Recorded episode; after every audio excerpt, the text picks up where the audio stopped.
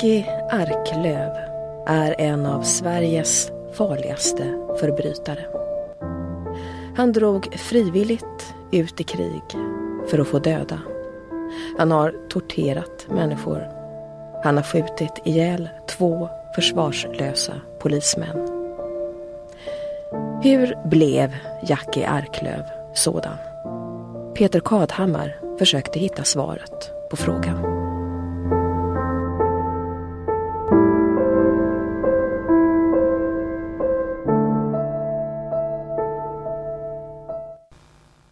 Sommaren 2008 har det gått drygt nio år sedan polismördaren och krigsförbrytaren Jackie Arklöv greps.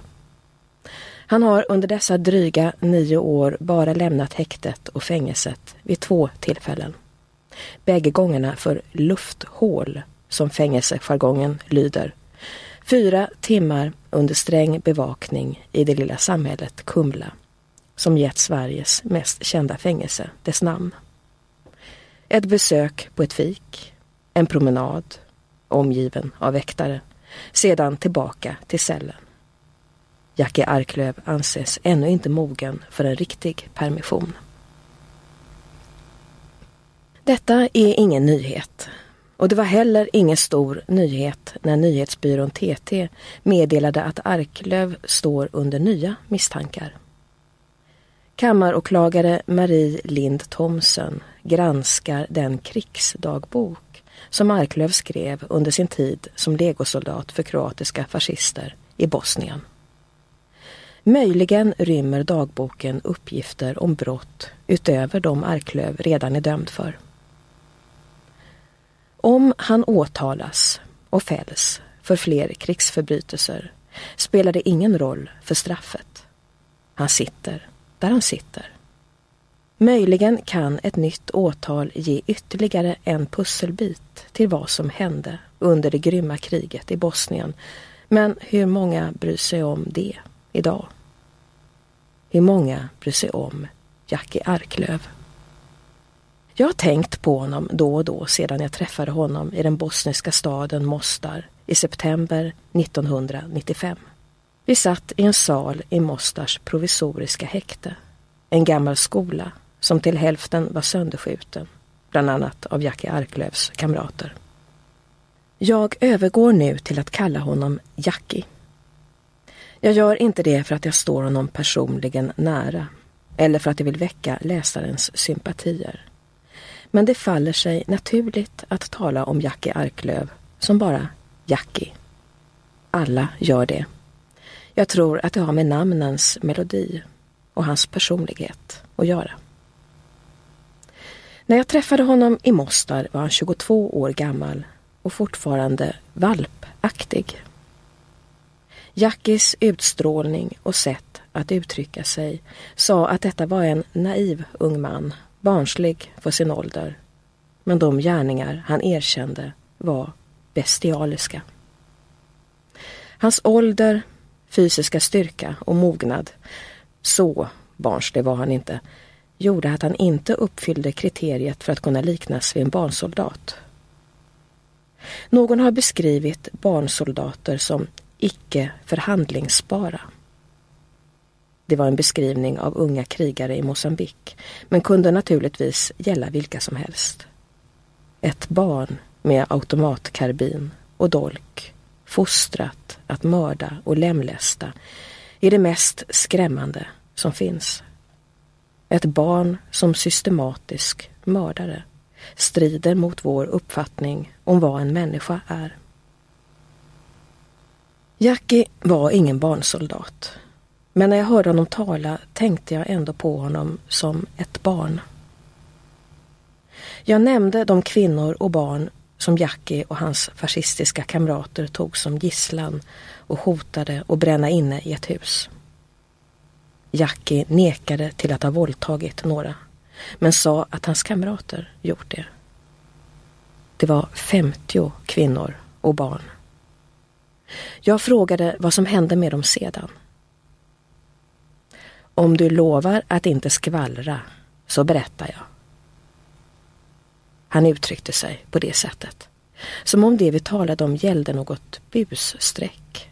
En dumhet som kunde medföra obehag om den blev känd. Jackie kanske skulle få skäll. Hans ögon var stora och han såg rakt på mig. Två dagar efter vi lämnade dem avrättades ungefär 40. De likviderades. Jag kände hur mitt ansikte stelnade när jag ställde nästa fråga. Och du var inte med om det? Nej, men jag såg en annan avrättning av tio personer. Åtta män och två kvinnor. De fick lägga sig på marken och sedan mejade några grabbar från enheten ner dem. Det såg du. Ja, men jag var blind. Jag brydde mig inte. De slängde liken i floden Neretva. Du får lova att inte skvallra, för då blir det fler frågor. Rättegången hölls i ett sidorum till Mostars kommunala barnteater. Det var en av få offentliga lokaler som inte var sönderskjuten. Jackie åtalades för tortyr av fångar.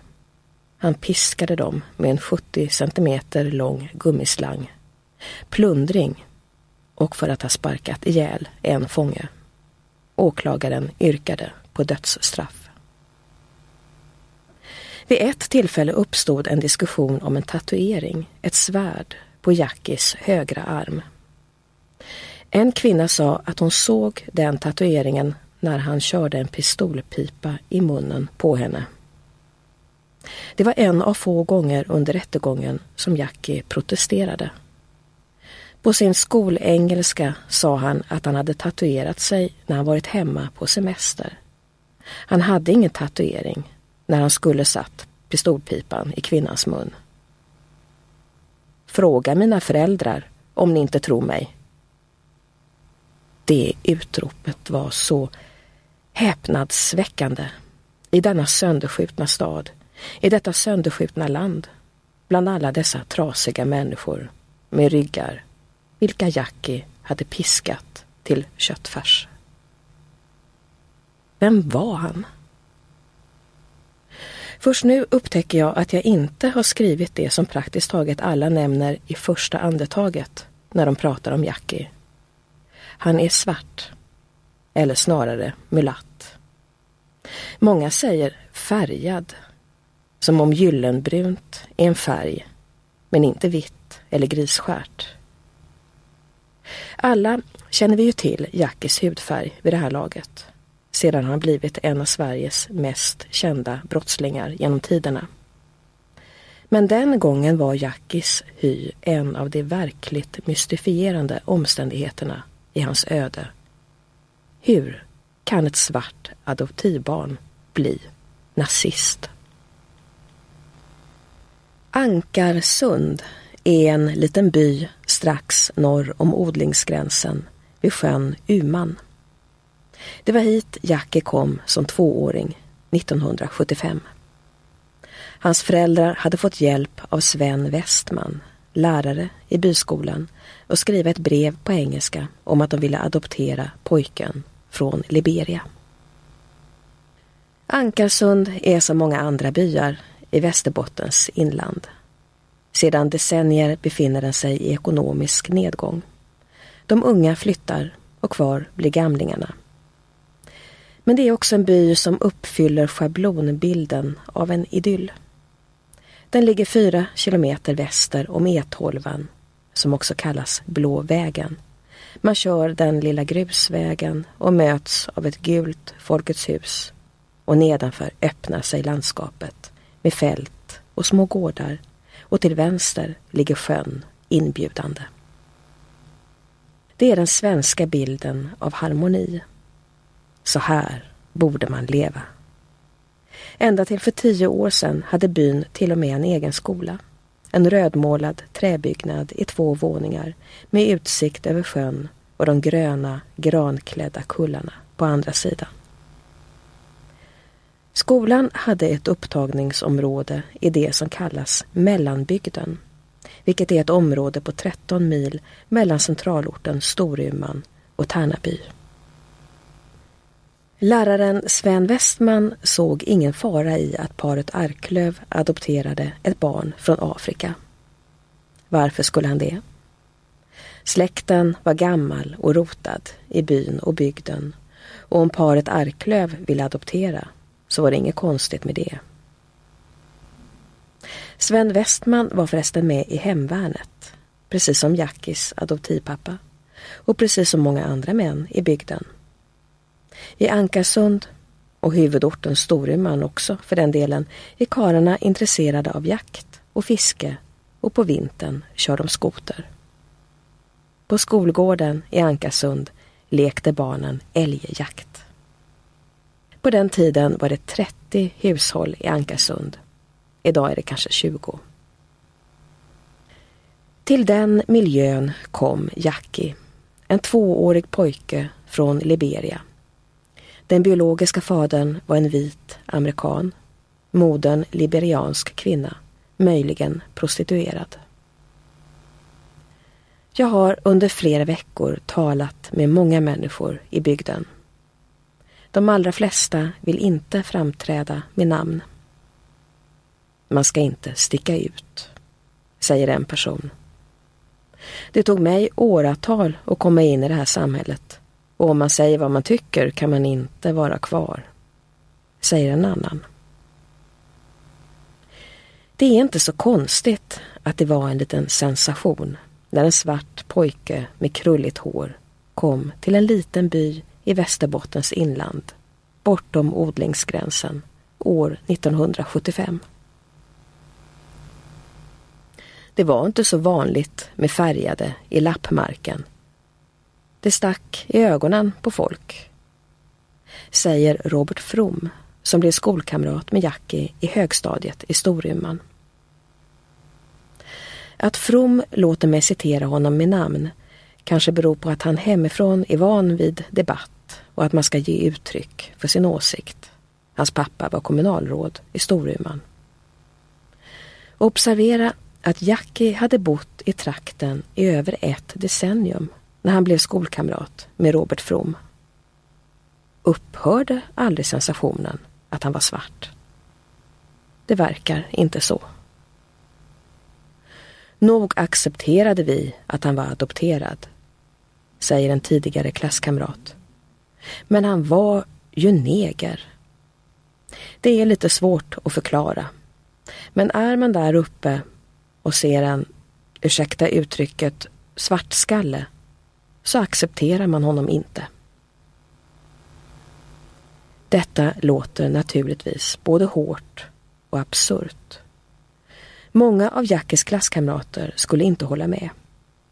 Om Jackie hamnade i bråk var det hans eget fel, kan någon säga. Jackie provocerade skolkamraterna och retades. Men gemensamt för alla jag talat med är att de nämner Jackies hudfärg som en källa till diskussion. Som något man kommenterade. Om inte annat när man var rättmätigt harmsen på Jackie. I och med att han var svart och växte upp där det inte fanns några andra mörka människor kände han sig nog ensam. Säger en klasskamrat. Jackie gav intrycket att han inte brydde sig om ifall någon kallade honom neger. Han hade förmåga att reta upp folk också. Då kanske folk kallade honom det där ordet, neger och så.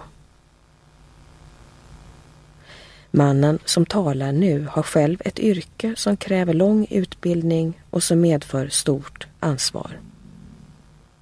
Jag skulle inte vilja säga att han var mobbad. Men jag vet inte hur han reagerade på tillmälen som neger. Vilka var det som gav Jackie öknamn? Inte alla, men väldigt många. Katja Wåhlström på Fryshuset i Stockholm arbetar med avprogrammering av unga nazister. Hon hjälper dem att lämna sina destruktiva tankar och den trånga, slutna kamratkrets som låser dem inne.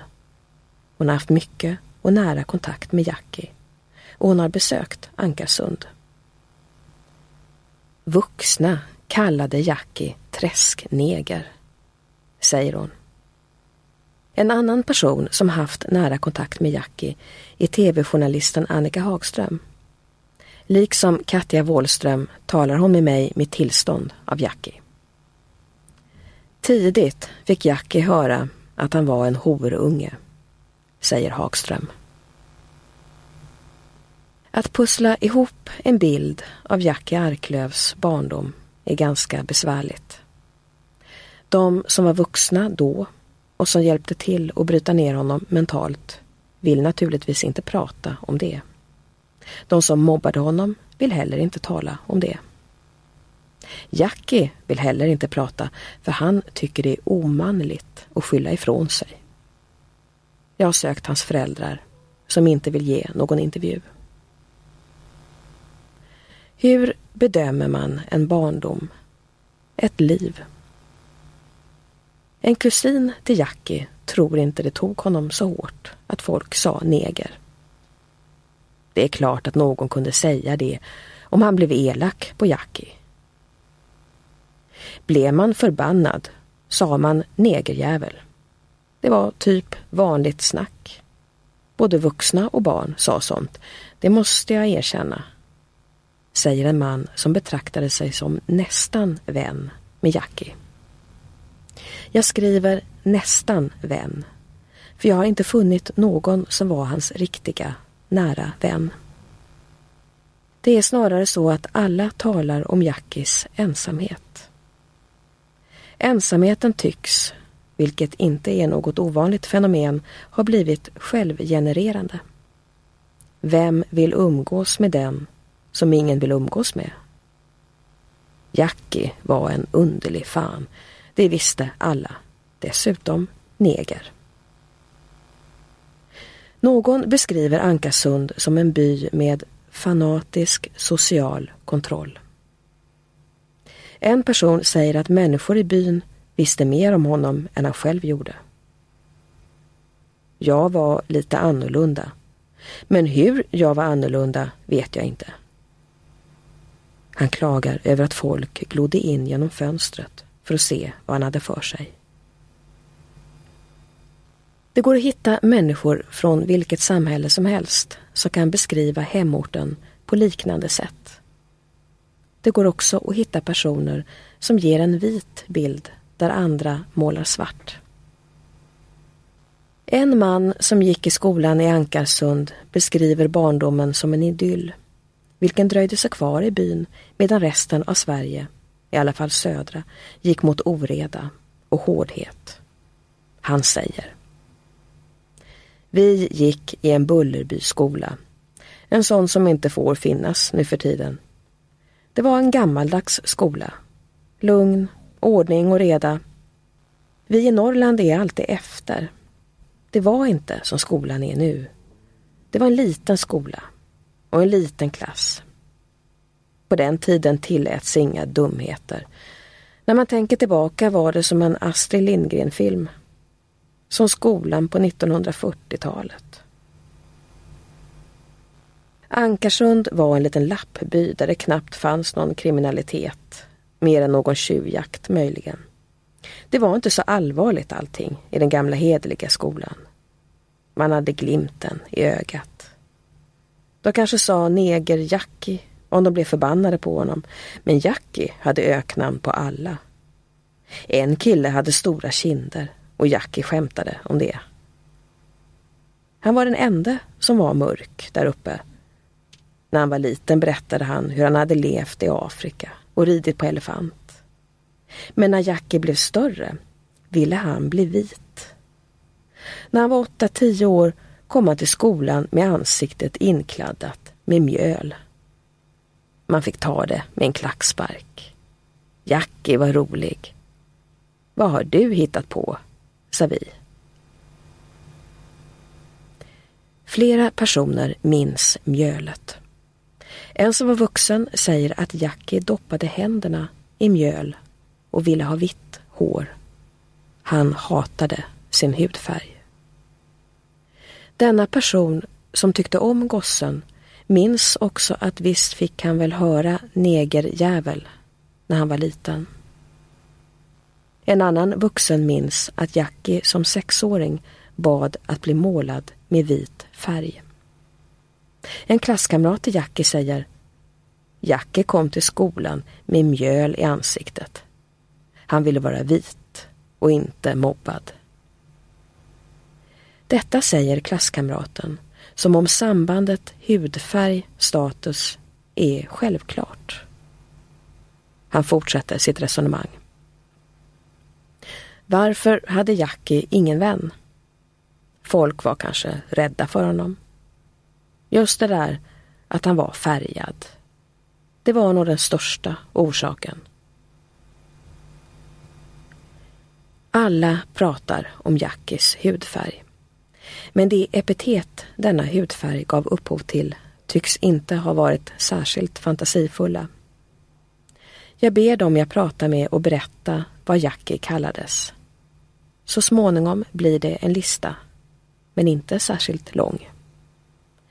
Neger-Jackie, negerjävel, negerskalle, importvara. När Jackie började högstadiet i Storuman skulle skällsorden bli fler. Men låt oss stanna ännu en stund i Ankarsund. Personer jag talar med beklagar att de inte längre minns. En skolkamrat säger att det absolut inte tillhörde vardagen att Jackie kallades neger eller dylikt. Jag tror att han fick höra idiot oftare än neger. Tillmälet idiot skulle Jackie ha fått därför att han bar sig åt som en sådan. Ta de besvärligaste ungarna när du gick i skolan och multiplicera med tio så har du Jackie, säger skolkamraten. Han anför ett exempel på Jackies besvärlighet. Vi hade gymnastiklektion. Jackie stod i mål. Han vände sig om och kastade in bollen i det egna målet. En sådan klasskamrat blir naturligtvis inte populär. Men varför fick då Jackie stå i mål? Ingen annan ville. Då blev det Jackie. Hudfärgen gjorde honom annorlunda. Men om det inte hade varit hudfärgen kunde det ju ha blivit något annat. Ett par somrar hade Jackie nästan en vän. En pojke i skolan som kom från en annan by. Det var flera mil mellan deras hem men Jackie cyklade till kamraten för att leka. Pojkarna mekade med en gammal moped. Jackie rullade med den, utan motor, nerför en backe. Och det tyckte han var roligt som fan, säger kamraten.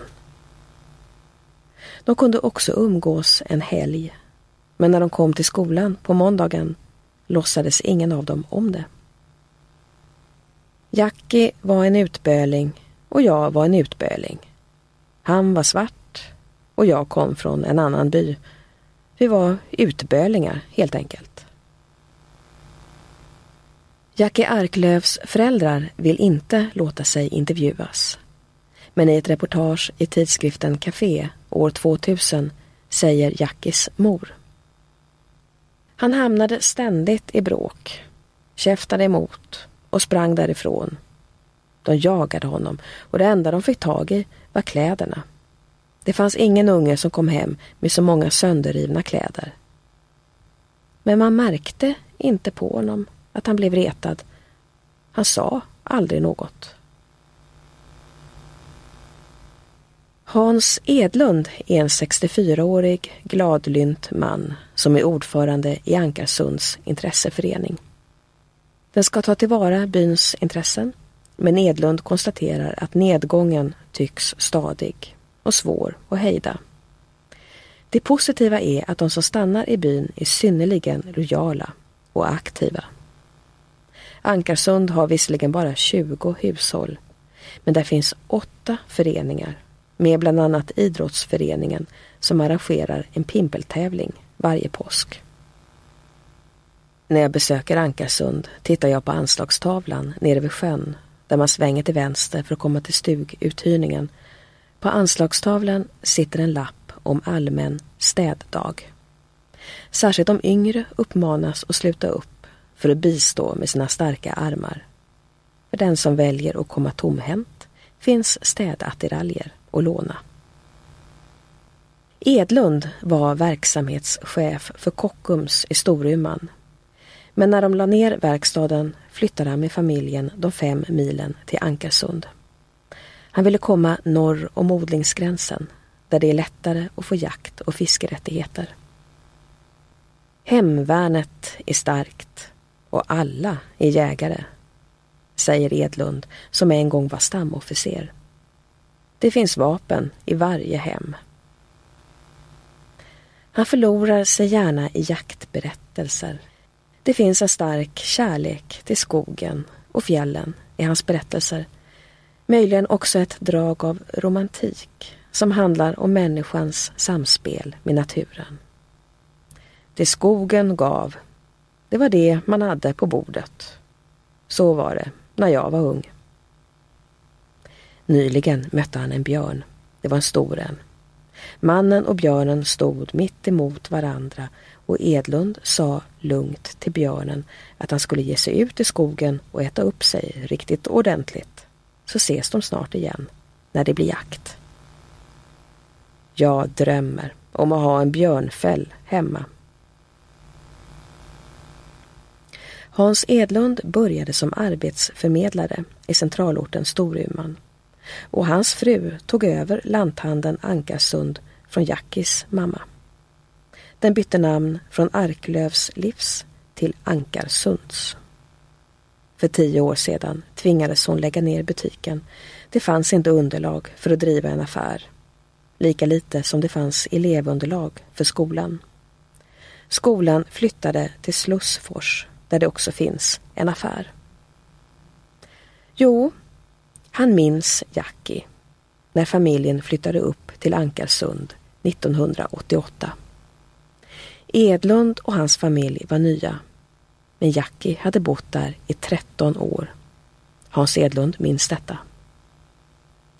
Vi som nyinflyttade tänkte på att det var lätt att göra sig lustig på grund av Jackies hudfärg. Det berodde inte på vad han gjorde, utan på hudfärgen. Sedan säger Edlund Människorna gjorde honom annorlunda. Det finns flera överlevnadsstrategier för en pojke som alltid får höra att han är annorlunda och mindre värd. En kan vara att ta till sig den större gruppens intressen och värderingar och förstärka dem för att försöka bli upptagen i gemenskapen. För Annika Hagström har Jackie berättat att han höll den svenska arméns standardvapen AK4 i famnen redan som sexåring. Pappan var ju med i hemvärnet och hade automatkarbin hemma. Det var en mäktig känsla att hålla i vapnet, sa Jackie till Hagström. Fadern var känd som en riktig bokmal med många krigsskildringar i hyllan. Jackie läste dem. Jackie började med manisk intensitet rita krig. Det finns en sak som de jag talar med nämner lika ofta som att Jackie är färgad eller mörkhyad. Det är att han är så duktig på att teckna. Om de andra barnen ritade traktorer ritade Jackie traktorer med kanoner på, säger en person. I mellanstadiet gjorde han krigsserier med motiv från andra världskriget. Hans teckningar var detaljerade och mycket våldsamma. En av Jackies stora teckningar är ut i hörnen fylld av våldsamma detaljer. Flygplan som anfaller, män som skjuter med kanoner och karbiner, explosioner, plan som störtar och män som dör med ett skrik. Ah! Teckningen är blyerts Men en detalj är färglagd. Det röda bröstet på en skjuten man. En annan strategi kan vara att sätta sig emot gruppen. Att visa att han inte bryr sig om glåporden och inte låtsas om ensamheten. Det är den Jackie som retas i skolan och som springer runt bland kamraterna men som aldrig får en riktig vän. Det är den Jackie som medvetet gör självmål. Det är väl en strategi för att bli sedd till varje pris. Många är de som talar om hur Jackie sökte kontakt. Att han var det keligaste barn man kunde tänka sig. Alltid ville han sitta i knät på någon vuxen. Men så kan man ju bara agera när man är liten. Att bli sedd när man är större kräver andra metoder. I sexårsåldern gjorde han vissa saker som ett normalt barn inte gör. Jackie tog familjens hund, gick till granngården och lät hunden bita ihjäl Botox Cosmetic, Atobatulinum toxin A, FDA approved for over 20 years. So, talk to your specialist to see if Botox Cosmetic is right for you.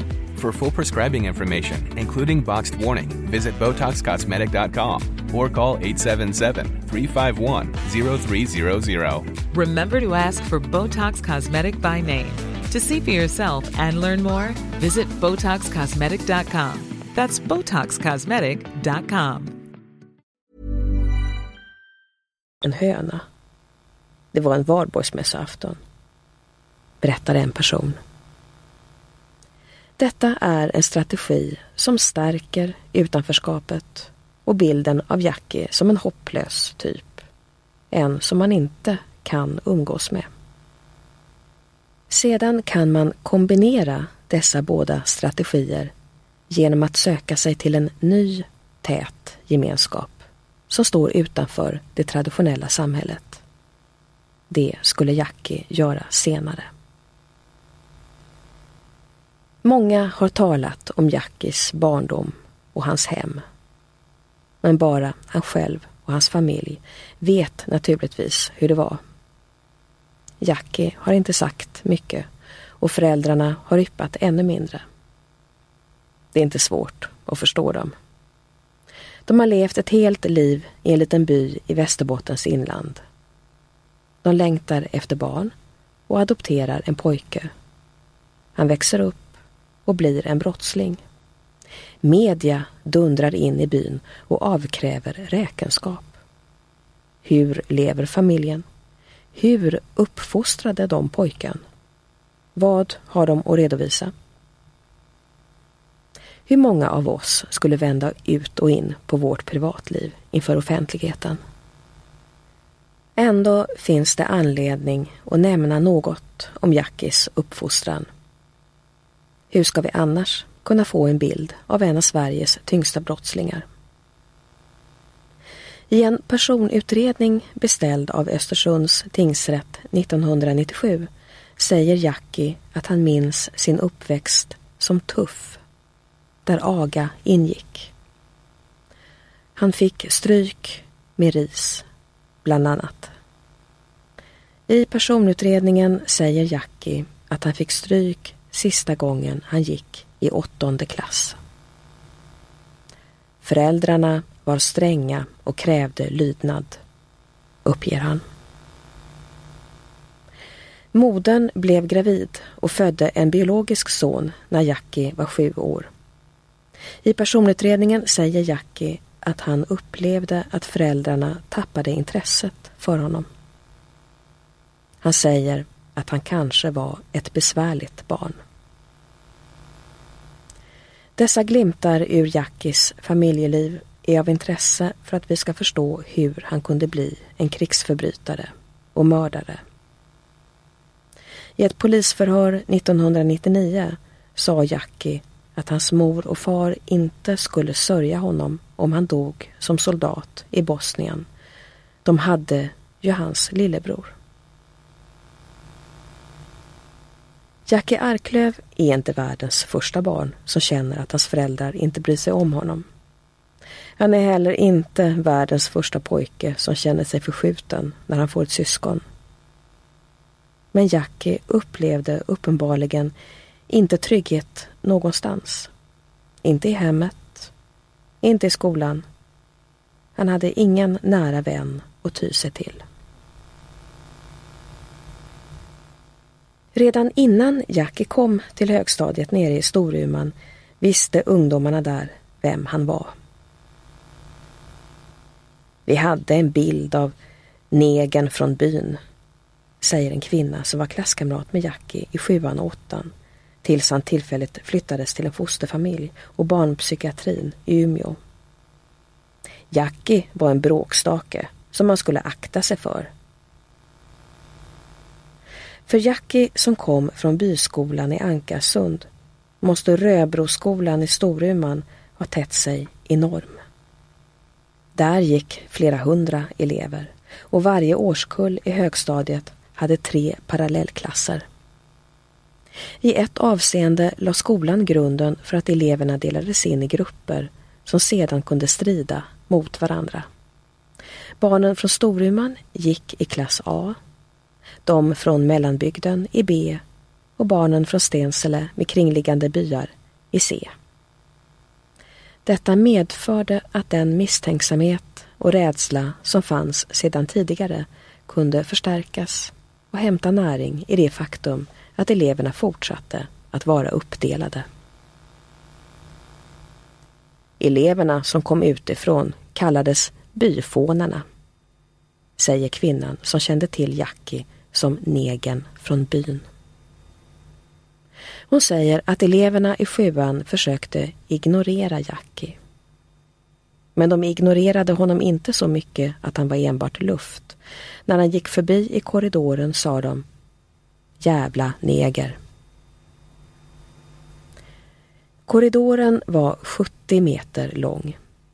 Och om man vandrade genom den och inte tillhörde dem som var populära och starka kändes det som om man var dödsdömd. Så beskriver en skolkamrat till Jackie korridoren.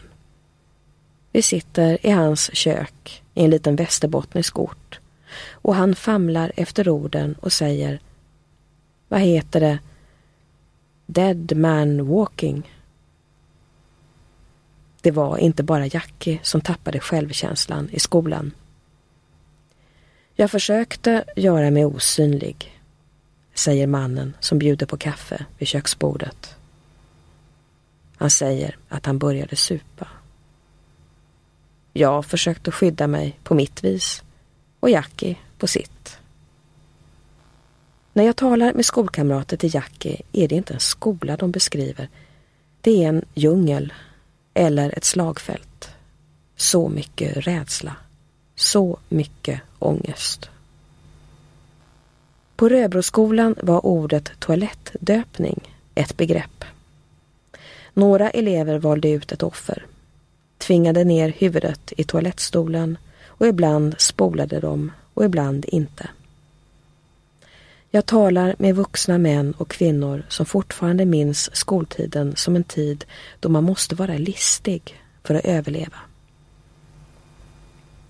Det fanns de i andra klasser som man visste att man inte skulle vara i närheten av.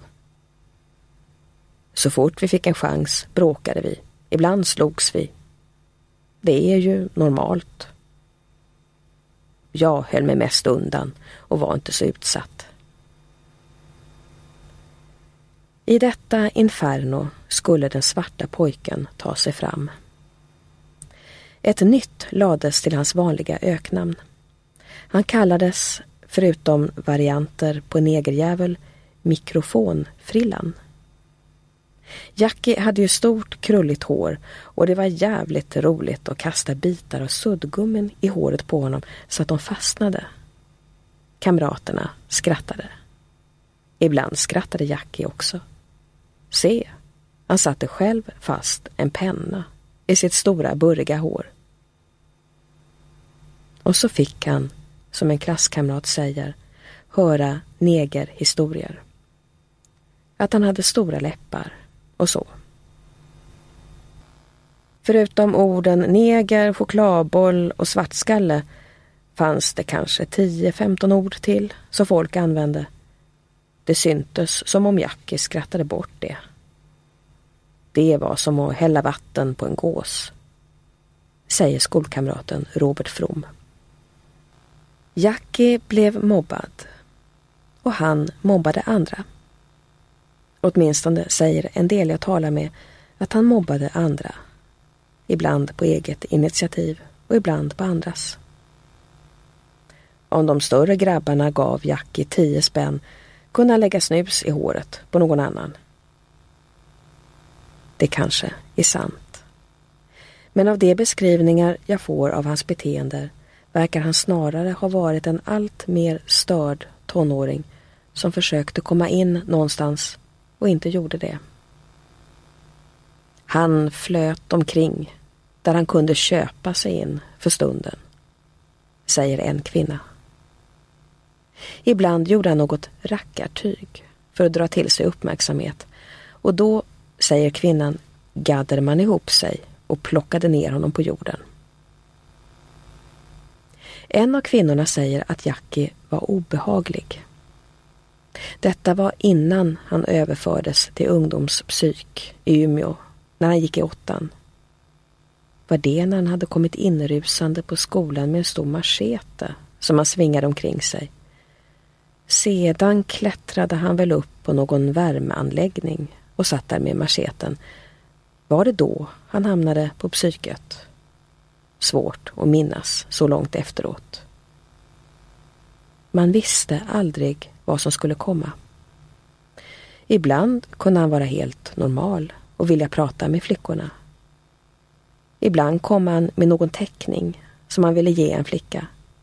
Han var ju omtalad både för att han var mörkhyad och för att han var en duktig tecknare. Stick, sa jag när han ville ge mig teckningar, säger kvinnan.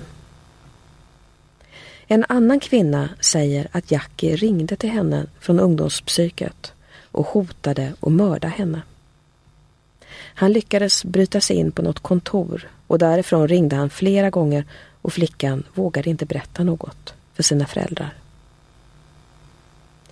Den flickan, som nu är en vuxen kvinna, minns skoltiden som ett mörker. Mobbing var något som hörde till. Jag var själv mobbad av ett gäng fast det inte fanns något att mobba mig för. Jag var inte tjock. Jag hade inte glasögon. Men en tjej drog med sig de andra. Alla gick ut från matan när jag skulle äta lunch. De höll för näsan när jag gick förbi. De ringde hem på nätterna. Sedan säger hon något som gör att jag tänker på Jackie Arklövs våldsamma vuxenliv. I nian rakade jag av mig håret. Morsan grät i två veckor. Jag blev tuff. Jag tryckte upp mobbartjejen mot skåpet och gav henne stryk. När Jackie kom tillbaka från psyket fick han byta klass till 9C. En av klasskamraterna tror att han ville få det lite lugnare. En annan minns att Jackie bytte till C-klassen för att han faktiskt hade en vän där. Men när jag talar med mannen som påstås ha varit Jackies vän säger han att det kan inte stämma. Hans familj flyttade från Storuman till Malå julen i åttan. Till Annika Hagström har Jackie sagt att han skolkade från skolan och satt på biblioteket och läste om andra världskriget.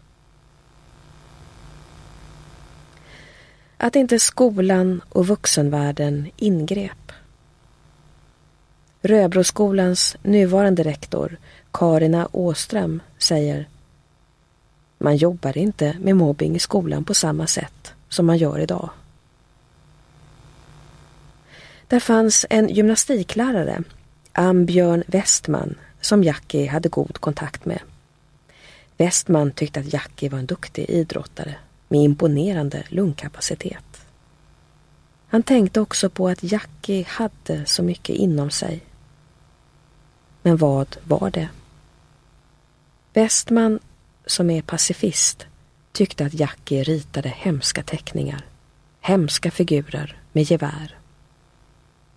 När jag ringer Westman för att tala om Jackie säger han Jag fick heta Lappen när jag gick på gymnastikhögskolan i Örebro.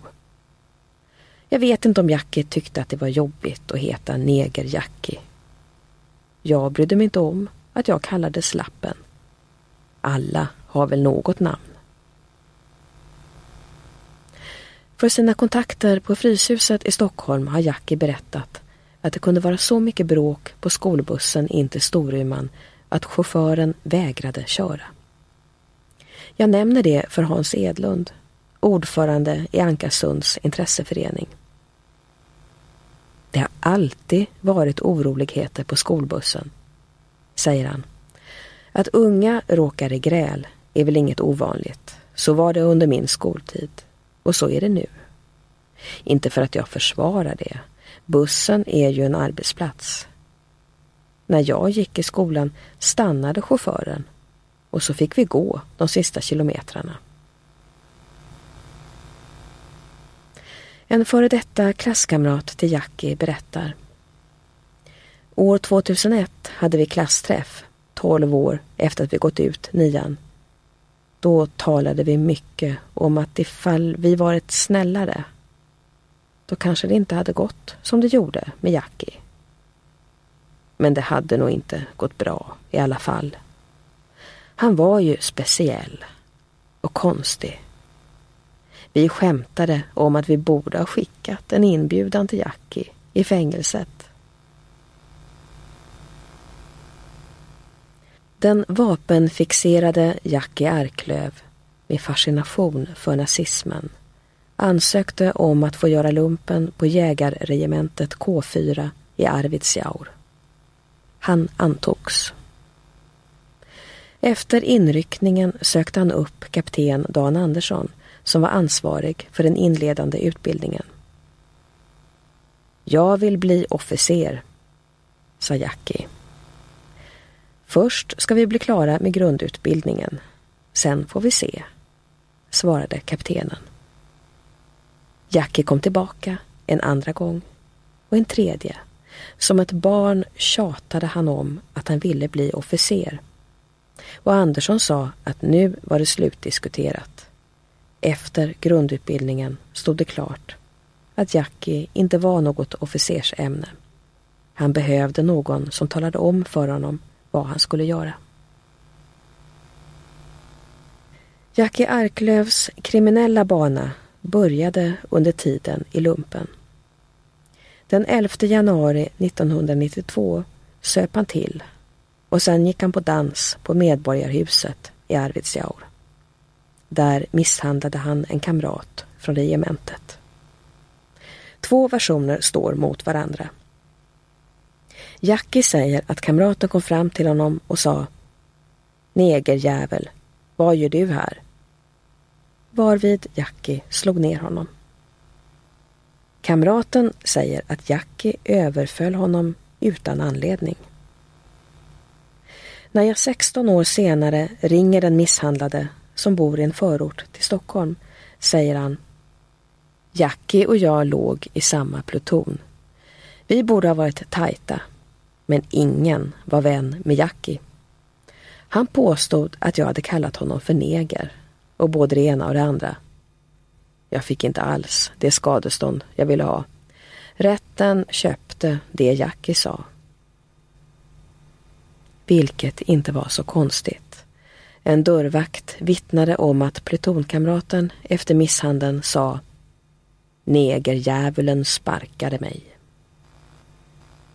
I före detta Jugoslavien rasade den blodigaste konflikten i Europa sedan 1945. Krigen i Jugoslavien, flera följde på varandra, var delvis en fortsättning av andra världskriget. Nationalister piskade upp gamla motsättningar och både serber och kroater använde slagord och militära beteckningar från andra världskriget.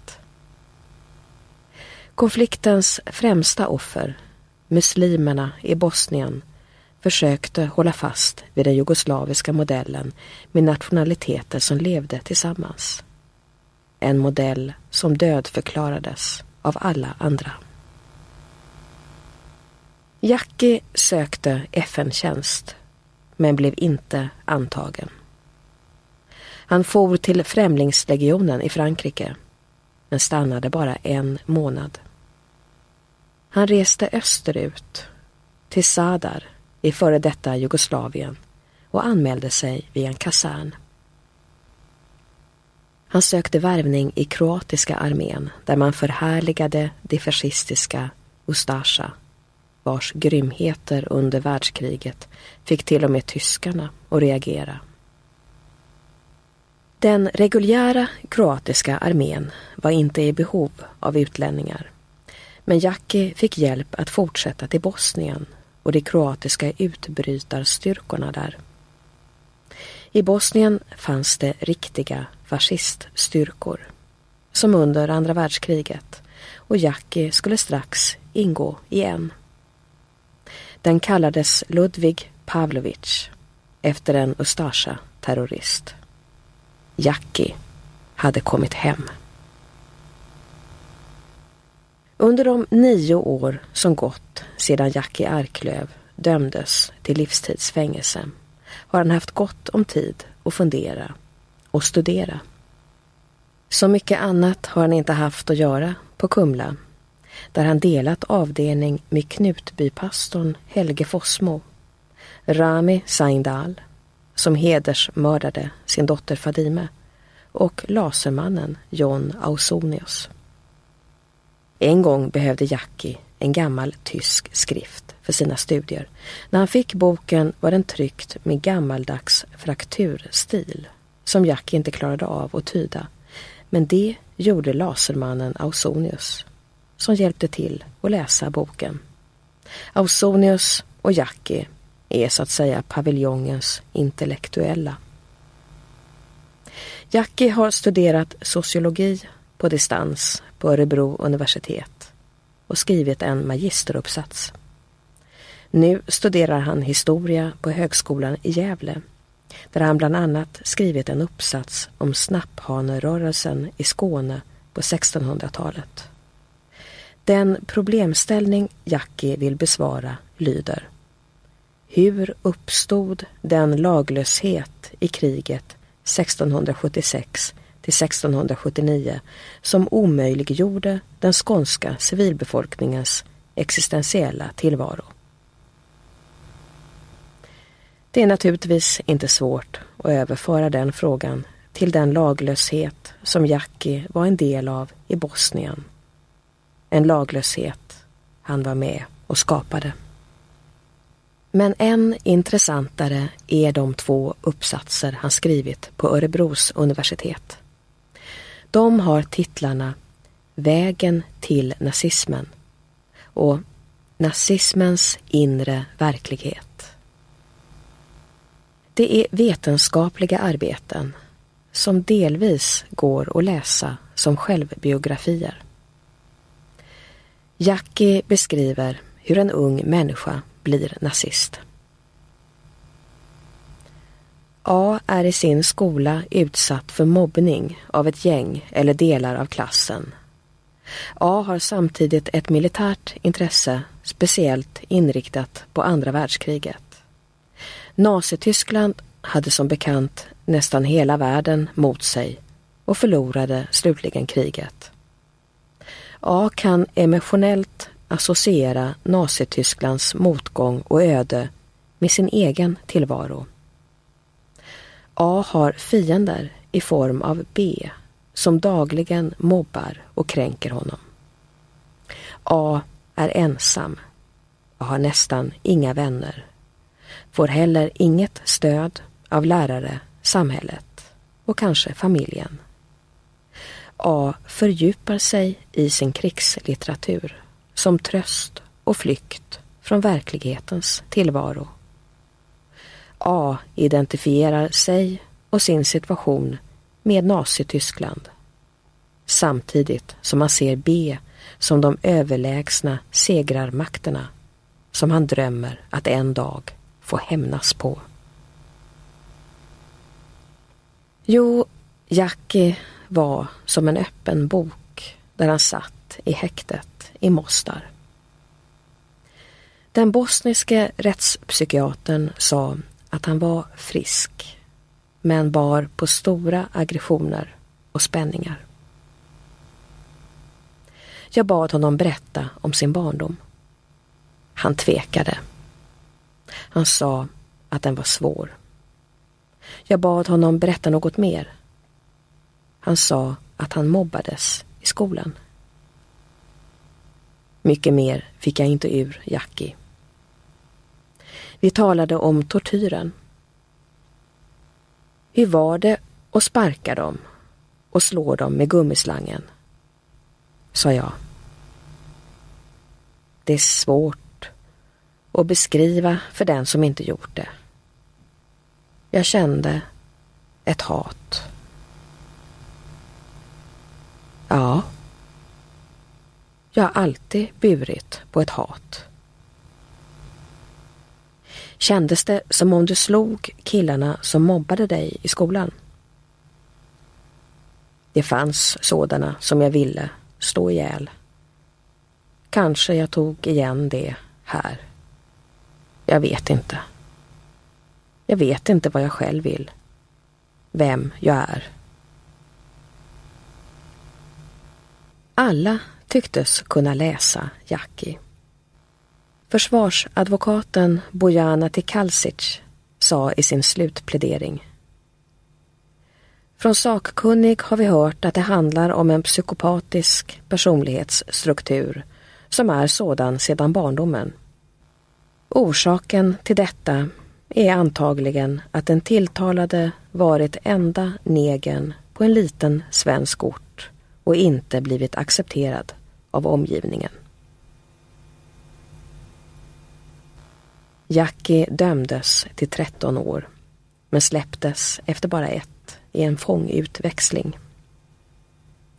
Ambassadör Erik Pierre talade med Jackie om att inte låta sig övertalas och gå tillbaka till sina gamla kamrater på den kroatiska sidan.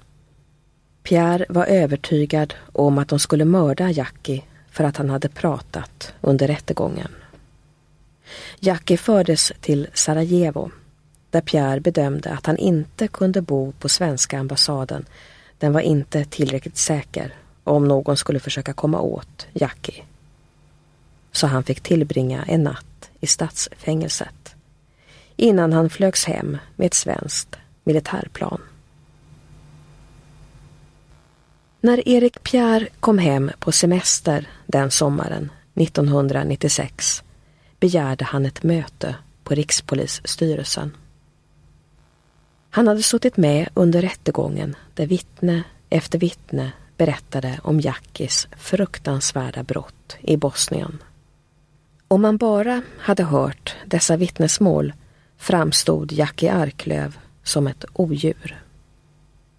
Men Pierre hade haft flera förtroliga samtal med Jackie.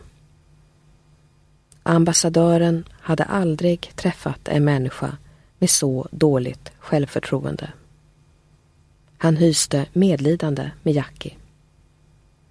Det var en ung man som inte hade fått någon kärlek.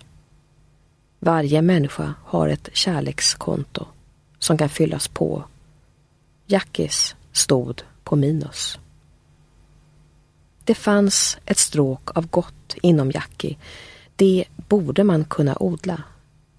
Men då måste han få vård. Det var Erik Pierres starka rekommendation till Rikspolisstyrelsen.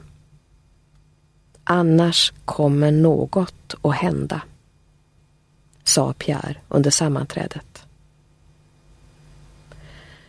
Han kunde naturligtvis inte säga vad. Men ambassadören var helt säker på att så fort Jackie kom i kontakt med sina kompisar kunde de få honom till vad som helst. Rikspolisstyrelsen tackade för informationen och lovade att titta på saken. Jackie hade knappt landat i Sverige förrän han fick brev från en rånare och våldsbrottsling som satt på Tidaholmsanstalten, Tony Olsson. Han ville knyta Jackie till den nazistiska kampen. Den 24 augusti 1996 skrev Olsson till Jackie från anstalten.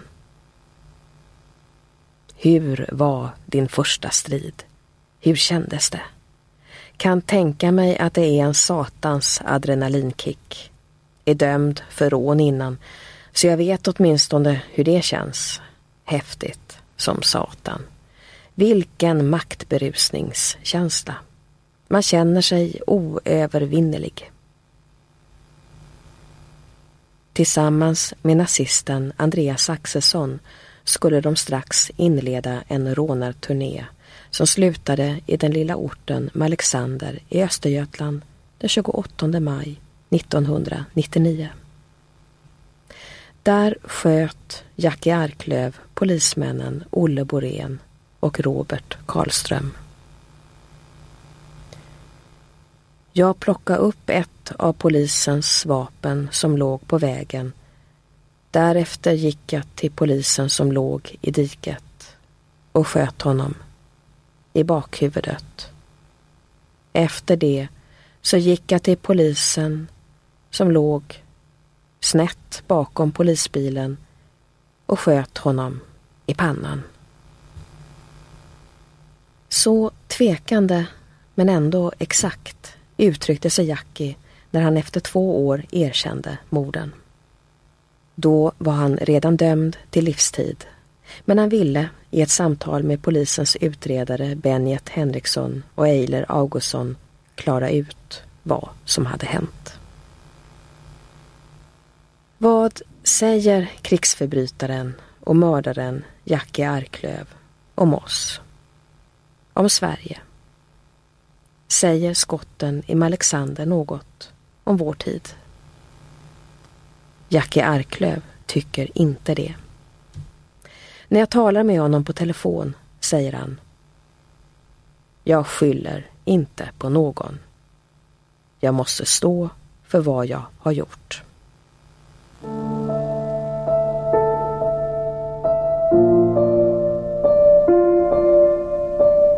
Du har hört Kerstin Weigel läsa den sjätte och sista delen i Aftonbladets serie Brotten som skakade Sverige.